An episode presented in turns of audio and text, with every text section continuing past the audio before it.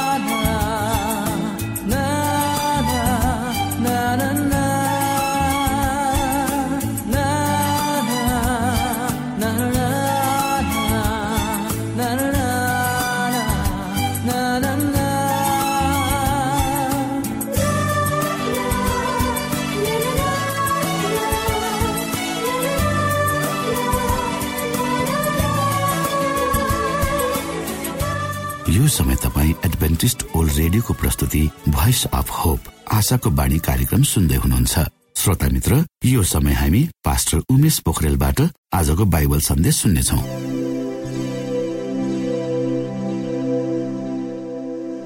श्रोत साथी न्यानो अभिवादन साथ म तपाईँको आफ्नै आफन्त पास्टर उमेश पोखरेल परमेश्वरको वचन लिएर यो रेडियो कार्यक्रम मार्फत पुनः तपाईँहरूको बिचमा उपस्थित भएको छु। श्रोता तपाईँले हाम्रा कार्यक्रमहरूलाई नियमित रूपमा सुन्दै हुनुहुन्छ भन्ने म विश्वास गर्दछु र हाम्रा कार्यक्रमहरूद्वारा तपाईँले परमेश्वर को हुनुहुन्छ भन्ने कुरो आफ्नै जीवनद्वारा अनुभव गर्दै हुनुहुन्छ।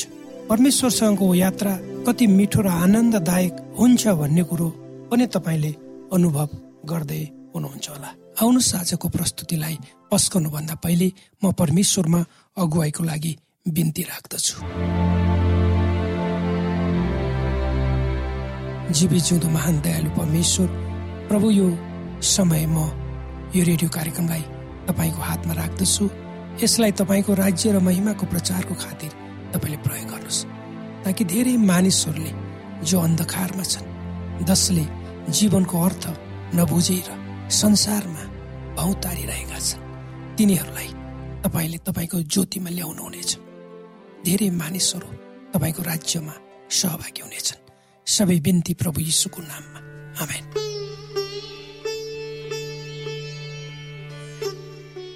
श्रोता जब परमेश्वरले सारा संसारको सृष्टि गर्नुभयो त्यति बेला उहाँले सृष्टि पश्चात सबै कुराहरूलाई हेर्नुभयो र ती सबै सुन्दर थिए सिद्ध थिए भनेर भन्नुभयो र संसारमा परमेश्वरले गर्नुभएका सृष्टिमा हामीले योभन्दा पहिले पनि चर्चा गरेका छौँ श्रोता मानिस चाहिँ परमेश्वरको हातको उत्कृष्ट सिपहरू थिए भनेर हामीले भनेका छौँ र त्यो साँचो पनि हो।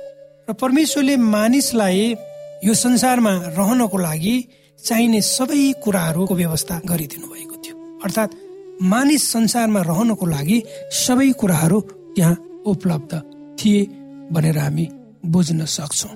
र मानिसले पूर्ण रूपमा भौतिक र मानसिक स्वास्थ्यको आनन्द उठाउँथे। एक निर्दोष संसारमा रहेको सुन्दर बगैँचामा उनीहरू बस्थे। परमेश्वरले उनीहरूलाई बालबच्चा र रचनात्मक सोच गर्ने क्षमता प्रदान गर्ने र उनीहरूले गरेका कामको सन्तुष्टि पाउने प्रतिज्ञा गर्नुभएको थियो। उनीहरूले आफ्ना सृष्टिकर्तासँग प्रत्यक्ष सङ्गतिको अनुभव पनि गरेका थिए। उनीहरूको आनन्दित जीवनमा चिन्ता डर वा रोगको कुनै छाप वा नामो निशान थिएन। संसार कसरी पूर्णतया कष्टपूर्ण र शोकपूर्ण ठाउँको रूपमा परिणत भयो त? यो सबै कुराबाट एउटा गहन प्रश्न छ। श्रोत साथी यदि हामीले पवित्र धर्मशास्त्र बाइबलको उत्पत्ति भन्ने पुस्तकको दोस्रो र तेस्रो अध्यायमा हेर्यौँ भने हामीले त्यहाँ यो सुन्दर सिद्ध संसारमा पापले कसरी प्रवेश पायो भन्ने कुराको सम्पूर्ण वृत्तान्त दिएको छ। र त्यो कुरालाई तपाईँ हामीले समय अनुसार हामीलाई समय जहिले मिल्छ हामी पढ्न सक्छौँ। तर आजको मेरो प्रस्तुतिमा यिनै उत्पत्ति दोस्रो र तेस्रो अध्यायमा दिएका विषय वस्तुको सार संक्षेप उल्लेख गरिएको छ। केही समयपछि परमेश्वरले पूर्ण संसार स्थापना गर्नुभयो। शैतान अदनको बगैँचामा आएर आदम र हवालाई उनीहरूको सृष्टिकर्ताको आज्ञा उल्लङ्घन गर्न फकाउँथ्यो। परमेश्वरले शैतानको प्रभाव क्षेत्रलाई बगैँचाभरिको एउटा रुखमा सीमित गरिदिनु भयो असल र खराबको ज्ञानको रोग। अनि उहाँले पहिलो मानव जोडीलाई त्यो रुखदेखि पर रहनु त्यसको फल कहिले नखानु वा अन्यथा उनीहरू मर्नेछन् भनी कडा चेतावनी पनि दिनुभयो। तर एक दिन हवा निषेधित रुख वरिपरि घुमिरहेकी थिइन्। सैतानले तुरुन्तै आफ्नो दिव्य जाल वा योजनालाई लागू गर्नको लागि त्यहाँ जाल बिछ्यायो र उसले झुटो बोलेको र उनले त्यो रुखको फल खाएमा नमर्ने बरु परमेश्वर भन्दा बुद्धिमानी हुने असल खराब ज्ञान जान्ने दावी गर्यो। दुर्भाग्यवश हवा र त्यसपछि आदम जसले केवल असल मात्र चिनेका थिए सैतानले उनीहरूलाई धोका दियो र त्यही समय उनीहरूले वर्जित फल वा नखानु भनेको फल चाके यसरी परमेश्वरसँगको विश्वास र आज्ञा पालनको आफ्नो बन्धन सदाको लागि उनीहरूले तोडे। परमेश्वरले आदम र हवाको लागि परमेश्वरको सृष्टिका संरक्षकको रूपमा हाम्रो संसारमा शासन गर्नको लागि योजना बनाउनु भएको हामी पाउँछौँ। तर उनीहरूले परमेश्वरसित विश्वास तोडे र शैतानलाई नयाँ नेताको रूपमा रोजेपछि ती दम्पतिले आफ्नो अधिकार क्षेत्र गुमाए। आज शैतानले संसारमाथि आफ्नो अधिकार दावी गर्छ र यहाँका मानिसहरूलाई सकेसम्म दास बनाउन आफ्नो चङ्गुलमा राख्न सक्दो प्रयास गर्दछ। धेरै पटक हामीले आफूलाई केही स्वार्थी र क्रूर कार्य गरिरहेको पाउँछौँ यद्यपि खासमा हामी त्यसको उल्टो गर्न चाहन्छौँ। किन? किनकि अदृश्य दुश्मन शैतानले मानिसहरूलाई नैतिक रूपमा असफल बनाउने प्रयास गरिरहेको हुन्छ।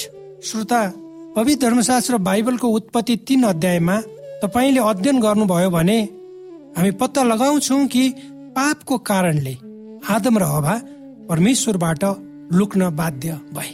पापले सबै सृष्टिलाई असर गर्यो फुलहरू सँगसँगै काँडाहरू देखा परे माटो खडेरीले सुक्खा भयो श्रमको बोझ बढ्यो जताततै रोगले आक्रमण सुरु गर्यो ईर्ष्या दुश्मनी लोभले गर्दा मानवमा दुःख तीव्र रूपमा बढ्दै गयो। सबैभन्दा डरलाग्दो त पापसँग मृत्यु आयो। श्रोता यो मृत्यु भन्ने कुरा परमेश्वरको इच्छा थिएन तर जब मानिसले परमेश्वरको आज्ञालाई उल्लङ्घन गर्यो त्यसपछि मानिस त्यो पापको दलदलले हिलोमा झाकियो र मृत्यु त्यस सँगसँगै आयो। जब मृत्यु आयो जसले मृत्युले मानिसहरूलाई चाहिँ यसरी जकटियो कि मानिस मृत्युबाट कहिले पनि उम्कन नसक्ने भयो। हाम्रा आदिम माता पिता आदम र हवाले गरेको परमेश्वरको आज्ञाको उल्लङ्घनको कारण त्यसको प्रतिफल आज पनि तपाईँ हामी भोग्दैछौँ मृत्यु मार्फत। र हामीले बाइबल धर्मशास्त्रमा हेर्यौँ भने सैतान भनेको चाहिँ एउटा पापको पिताको रूपमा हामी पाउँछौ। सैतान भनेको झुटको पिता हो। एक समय थोमस भन्ने उत्कृष्ट अङ्ग्रेजी दार्शनिक र राल्फ वाल्डो लन्डनको एक इस्ट एन्डको सबैभन्दा खराब सडक हुँदै गइरहेका थिए। उनीहरू साथसाथै हिँड्दा चुपचाप उनीहरूले आफ्ना वरपरका दयनीयता र क्रूरताको अवलोकन गरे। कर्लाईले अन्तमा सोधे के तिमी शैतानमा विश्वास गर्छौ? तर होइन। असल परमेश्वरले शैतानको सिर्जना गर्नुहुन्न। त्यति हुँदाहुँदै पनि बाइबलले के भन्छ भने शैतानले अरू स्वर्गदूतहरूसँग मिलेर धोका दिएको थियो। त्यसैले उनीहरूले स्वर्गमा आफ्नो स्थान गुमाएर हाम्रो संसारमा आए। र त्यहाँ स्वर्गमा युद्ध चल्यो। माइकल र उनका देवदूतहरू ड्रागन विरुद्ध लडे ड्रागन र उसका देवदूतहरू पनि लडे तर ऊ त्यति शक्तिशाली थिएन। उनीहरूले स्वर्गमा आफ्नो स्थान गुमाए। त्यो भीमकाय ड्रागनलाई तल फ्याँकियो त्यो प्राचीन सर्प जसलाई असुर वा शैतान भनिन्छ जसले सारा संसारलाई ऊ बाटोमा लान्छ। उसलाई र उसका देवदूतलाई पनि सँगै पृथ्वीमा फ्याँकियो। पहिले शैतान कसरी स्वर्गमा पुग्यो त? हामीले पवित्र धर्मशास्त्र बाइबलको इजिकेल भन्ने पुस्तकमा हेऱ्यौँ भने यहाँ यसरी लेखिएको छ। आउनुहोस् म इजिकेल भन्ने पुस्तक पढ्छु। सैतानलाई यसरी चित्रण गरिएको छ। श्रोता इजिकेल अठाइसको चौध पन्ध्रमा अभिभावकको रूप हुनलाई त अभिषेक गरिएको थिइस् किनकि त्यसरी नै मैले तँलाई नियुक्त गरेको थिएँ। परमेश्वरको पवित्र पर्वतमा त थिइस् अग्निमय पत्थरहरूका बीचमा त हिँड्थिस्। त सृजिएका दिनदेखि तमा अधर्म फेला नपरेको दिनसम्म तेरो चाल ढङ्गमा त दोष रहित थिइस्। चौधले यसो भन्छ तेरा चारैतिरका व्यापारद्वारा त उपभद्रले भरिस र तैले पाप गरिस। यसैले मैले तँलाई परमेश्वरको पर्वतबाट अपमान गरी खेदिदे र हे अभिभावक उरूप मैले तँलाई अग्निमय पत्थरहरूका बीचदेखि पाए तेरो सुन्दरताले गर्दा तेरो हृदय घमण्डले फुलियो। तैले आफ्नो गौरवको कारण तेरो बुद्धिलाई भ्रष्ट पारिस। यसैले मैले तँलाई जमिनमा फालिदिए। राजाहरूको अघि मैले तँलाई तमासा बनाइदिए। परमेश्वरले शैतानको सृजना गर्नु भएन उहाँले लुसिफरलाई पूर्ण स्वर्गदूत परमेश्वरको सिंहासनको छेउमा उभिने स्वर्गका एक अगुवा देवदूतको रूपमा सृष्टि गर्नुभयो। तर उसले पाप गर्यो। उसमा दुष्टता पाइयो। स्वर्गबाट निष्कासित भएपछि र आदम र हवाको साथीको रूपमा नाटक गरेर ऊ मानवताको सबैभन्दा घातक शत्रु बन्न श्रोता प्रश्न आउँछ। लुसिफर यदि सिद्ध स्वर्गदूत थियो भने उसले किन पाप गर्यो त? यसैया भन्ने पुस्तक छ त्यसको चौध अध्यायमा हामी हेर्नेछौ। श्रोता यसैया चौधको बाह्रदेखि चौधमा लुसिफरको विषयमा यहाँ यसो लेखिएको छ। ए बिहानको तारा प्रभातको पुत्र त स्वर्गबाट कसरी खसेको छस्? जाति जातिहरूलाई होच्याउने त कसरी भुइँमा तल खसालिस? तैले आफ्नो हृदयमा भनिस म स्वर्गमा उक्लने छु परमेश्वरका ताराहरू भन्दा माथि म मेरो सिंहासनलाई उच्च पार्नेछु। पवित्र पर्वतको सबैभन्दा उच्च टाकुरामा सभासदको पर्वतमा म विराजमान हुनेछु।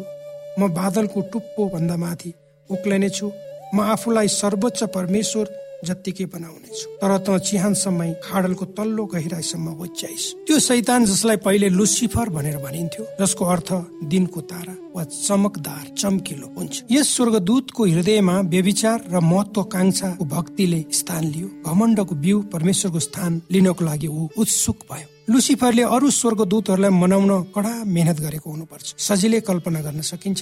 शैतानले उनीहरूबाट केही चिज लुकाउनु भएको भनेर तर्क गरेको र ईश्वरीय व्यवस्था धेरै प्रतिबन्धात्मक थियो र परमेश्वर निर्दय सार्वभौम हुनुहुन्थ्यो भनेर तर्क गरेको हुनुपर्छ। उसले परमप्रभुको निन्दा गर्यो जसको चरित्रले प्रेमको परिभाषा प्रदान गर्दछ। स्वरको यो विवाद कसरी सुल्झियो? हामी हेर्नेछौ इजिकियल भन्ने पुस्तक अठाइसको सत्रमा। यहाँ यसरी लेखिएको छ तेरो सुन्दरताले गर्दा तेरो हृदय घमण्डले फुल्यो। तैले आफ्नो गौरवको कारण तेरो बुद्धिलाई भ्रष्ट पारिस। यसैले मैले तँलाई जमिनमा फालिदिए।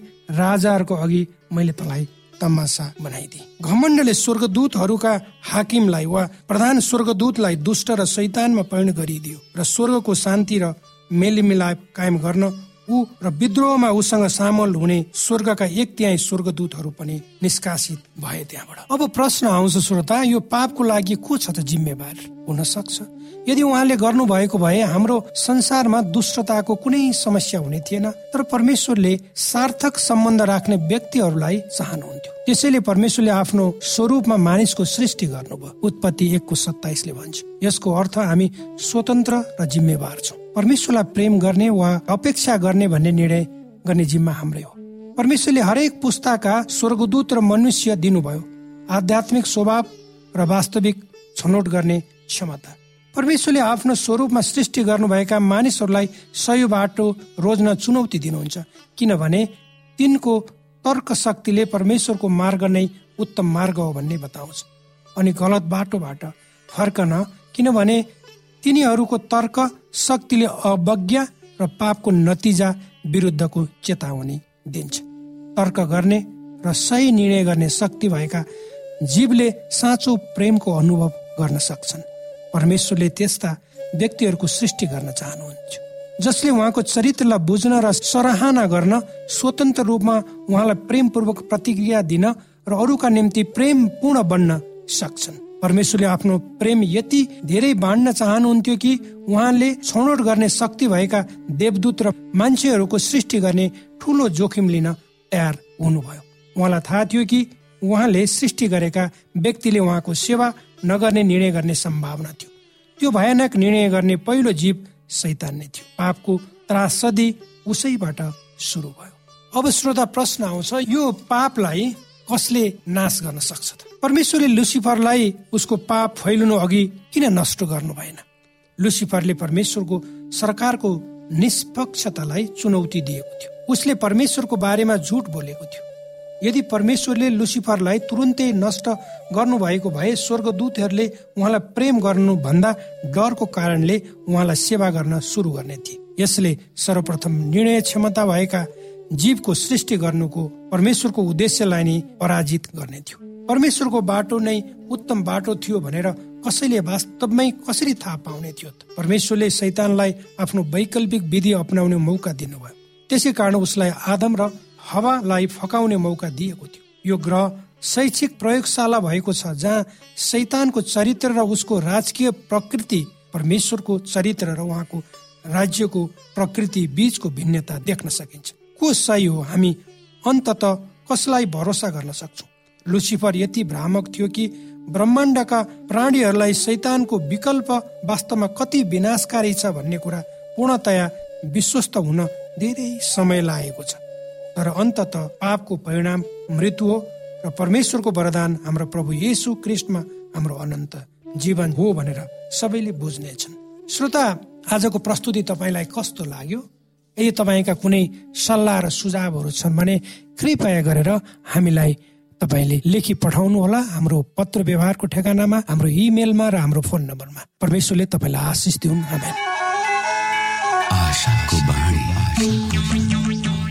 श्रोता भर्खरै यहाँले पास्टर उमेश पोखरेलबाट बाइबल वचन सुन्नुभयो। यो समय तपाईँ एडभेन्टिस्ट ओल्ड रेडियोको प्रस्तुति भोइस अफ होप आशाको बाणी कार्यक्रम सुन्दै हुनुहुन्छ। कार्यक्रम सुनेर बस्नुहुने सबै श्रोतालाई हामी हाम्रो कार्यक्रममा स्वागत गर्न चाहन्छौ। श्रोता मित्र यदि तपाईँ जीवनदेखि हरेस खानु भएको छ तपाईँका जीवनमा धेरै अनुत्तरित प्रश्नहरू छन् भने आउनुहोस् हामी तपाईँलाई परमेश्वरको ज्योतिमा डोहोर्याउन चाहन्छौँ। र तपाईँ आफ्नो जीवनका चिन्ता फिक्रीबाट निश्चिन्त हुनुहोस् र बाँच्नुको आनन्द परमेश्वरको सामिप्यमा कति मिठो हुन्छ त्यो चाख्नुहोस् भनी हामी चाहन्छौँ। श्रोता यदि तपाईँ आशाको बाणी कार्यक्रमलाई अनलाइन सुन्न चाहनुहुन्छ वा डाउनलोड गर्न चाहनुहुन्छ भने डट ओआरजीमा जानुहोस्। त्यहाँ तपाईँले प्रत्येक दिनको कार्यक्रम सुन्न र डाउनलोड गर्न सक्नुहुनेछ। हाम्रो वेब पेज यस प्रकार छ ओआरजी श्रोता यदि तपाईँ हामीसित सिधै फोनमा सम्पर्क गर्न चाहनुहुन्छ भने हाम्रा नम्बरहरू यस प्रकार छन्। अन्ठानब्बे एकसाठी पचपन्न शून्य एक सय बिस अन्ठानब्बे एकसाठी पचपन्न शून्य एक सय बिस र अर्को अन्ठानब्बे अठार त्रिपन्न पन्चानब्बे पचपन्न. अन्ठानब्बे अठार त्रिपन्न पन्चानब्बे पचपन्न.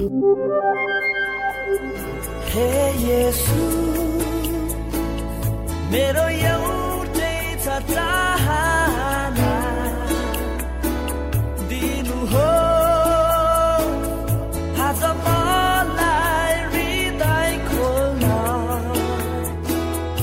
मलाई माया भो तपाईँसित चाहन्छु तपाईँ जस्तै हुन मलाई माया भो तपाईँसित चाहन्छु तपाईँ जस्तै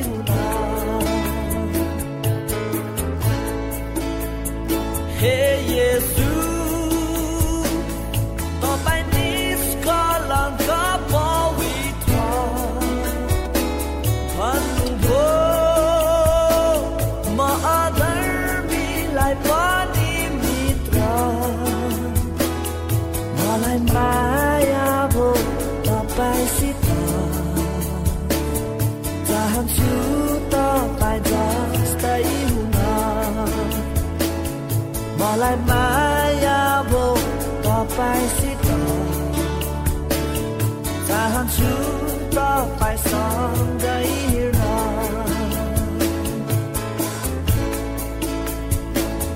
Hey yeah